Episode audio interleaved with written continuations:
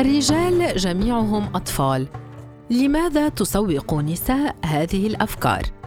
فاطمة محمود خضر. لم تستطيعي بعد أن تتفهمي أن الرجال جميعهم أطفال.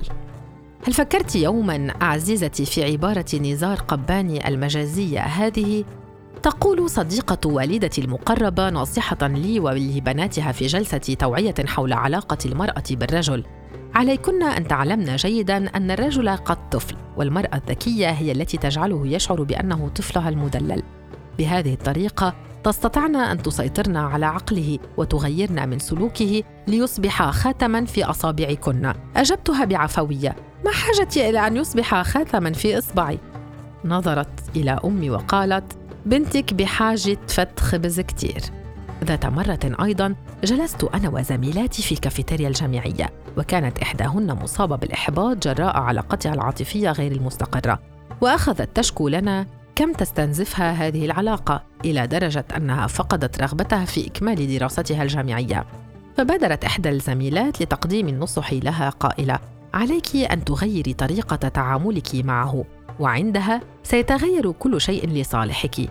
كفي عن معاملته كرجل عامليه كطفل وتحملي عناده. فالرجال جميعهم أطفال ينفرون من العناد وينقادون بالاهتمام والرعاية المشبعة بالحنية. وبعدها ستندهشين بكمية الحب التي ستحظين بها منه. اعترضت قائلة كطفل؟ فأجابتني نعم اسألي مجربة ولا تسألي حكيمة. فقلت منسحبة من الجلسة. من تلك التي ترغب في تربية طفل يفوقها طولا وعمرا. عزيزتي لا أطفال في الحب. أنهيت حياتي الجامعية وبدأت بالعمل كمحاسبة في إحدى الشركات. وبعد مدة سمعت زميلتي في العمل تنصح زميلتنا الأخرى لحل مشكلاتها الزوجية. قائلة صدقيني الرجال جميعهم أطفال. تعتقدين أن لديك طفلين لكن تأكدي أن زوجك ثالثهم بل أولهم. عندها صرخت في داخلي يكفي هذا الغباء. وحدث بعد ذلك أن كنت جالسة مع رجل للمرة الأولى. وبكل صدق كنت مذهولة من شدة ثقته بنفسه. إذ أخذ يحدثني من دون أي مقدمات ومن دون حتى علم مني بالأمر وكأن تقبل الأمر فرض علي. أنه اختارني لأكون شريكة حياته وكل ما علي معرفته لنجاح حياتنا الزوجية. أن أكون في الوقت نفسه زوجة صالحة وأما له. فالرجال في نهاية الأمر مهما أبدوا من جدية وثبات هم أطفال. وفي هذه اللحظة جاء النادل ليسألنا إن كان ينقصنا شيء. فأجبته بجدية مطلقة. أريد ببرونة حليب لهذا الرجل الطفل لو سمحت. خيم عليه الصمت وسط ذهول النادل الذي ارتبك حد الهروب بخطوات سريعة بعيدا عن طاولتنا. في حين نظرت بثبات في عيني الرجل الطفل وأنا أقف وأهم بالخروج قائلة يا لك من أحمق مغرور. تعني ببساطة أنه كائن صغير تصرفاته غير منطقية وتتسم بالفوضى ويحتاج إلى الاهتمام الدائم إذ لا يستطيع الاعتماد على نفسه. لذلك هو في حاجة دائمة إلى من يرعاه ويحرسه كما لا يمكن التنبؤ بأفعاله ولا يحمل مسؤولية تصرفاته.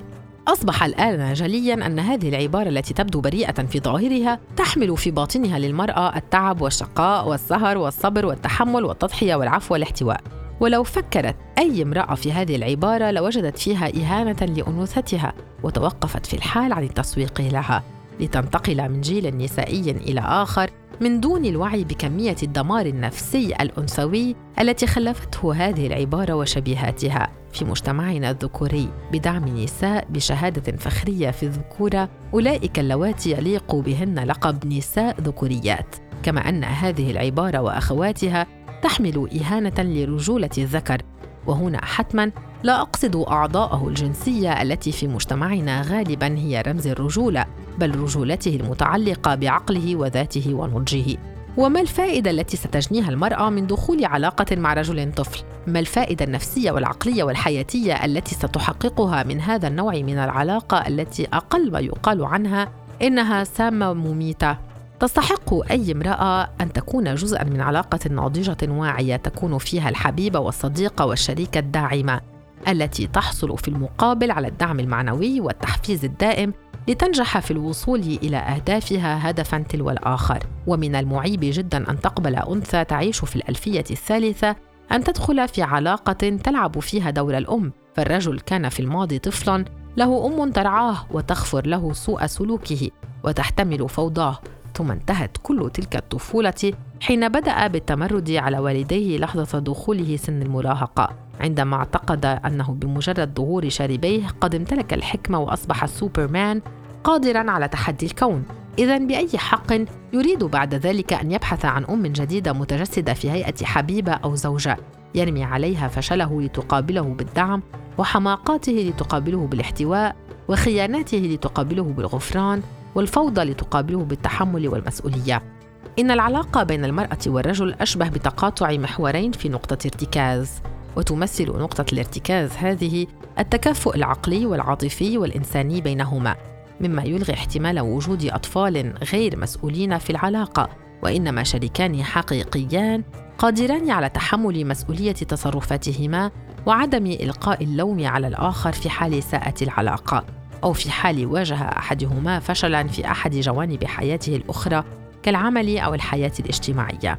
إن تفكير أي امرأة في الأفكار المطروحة أعلاه يدفعها جديا لرفض استمرار التسويق لتلك العبارات غير الواعية كليا مثل الرجال جميعهم أطفال وغيرها من العبارات والسلوكيات التي لا يعترف بها العقل وما أنزل بها من سلطان. لكن فقط تم التسويق لها كونها جزءا من ثقافة ذكورية مسيطرة تسعى إلى جلد المرأة نفسيا وانسانيا وتحميلها كليا مسؤولية أي خلل في العلاقة أو أي تعاسة في حياة الرجل.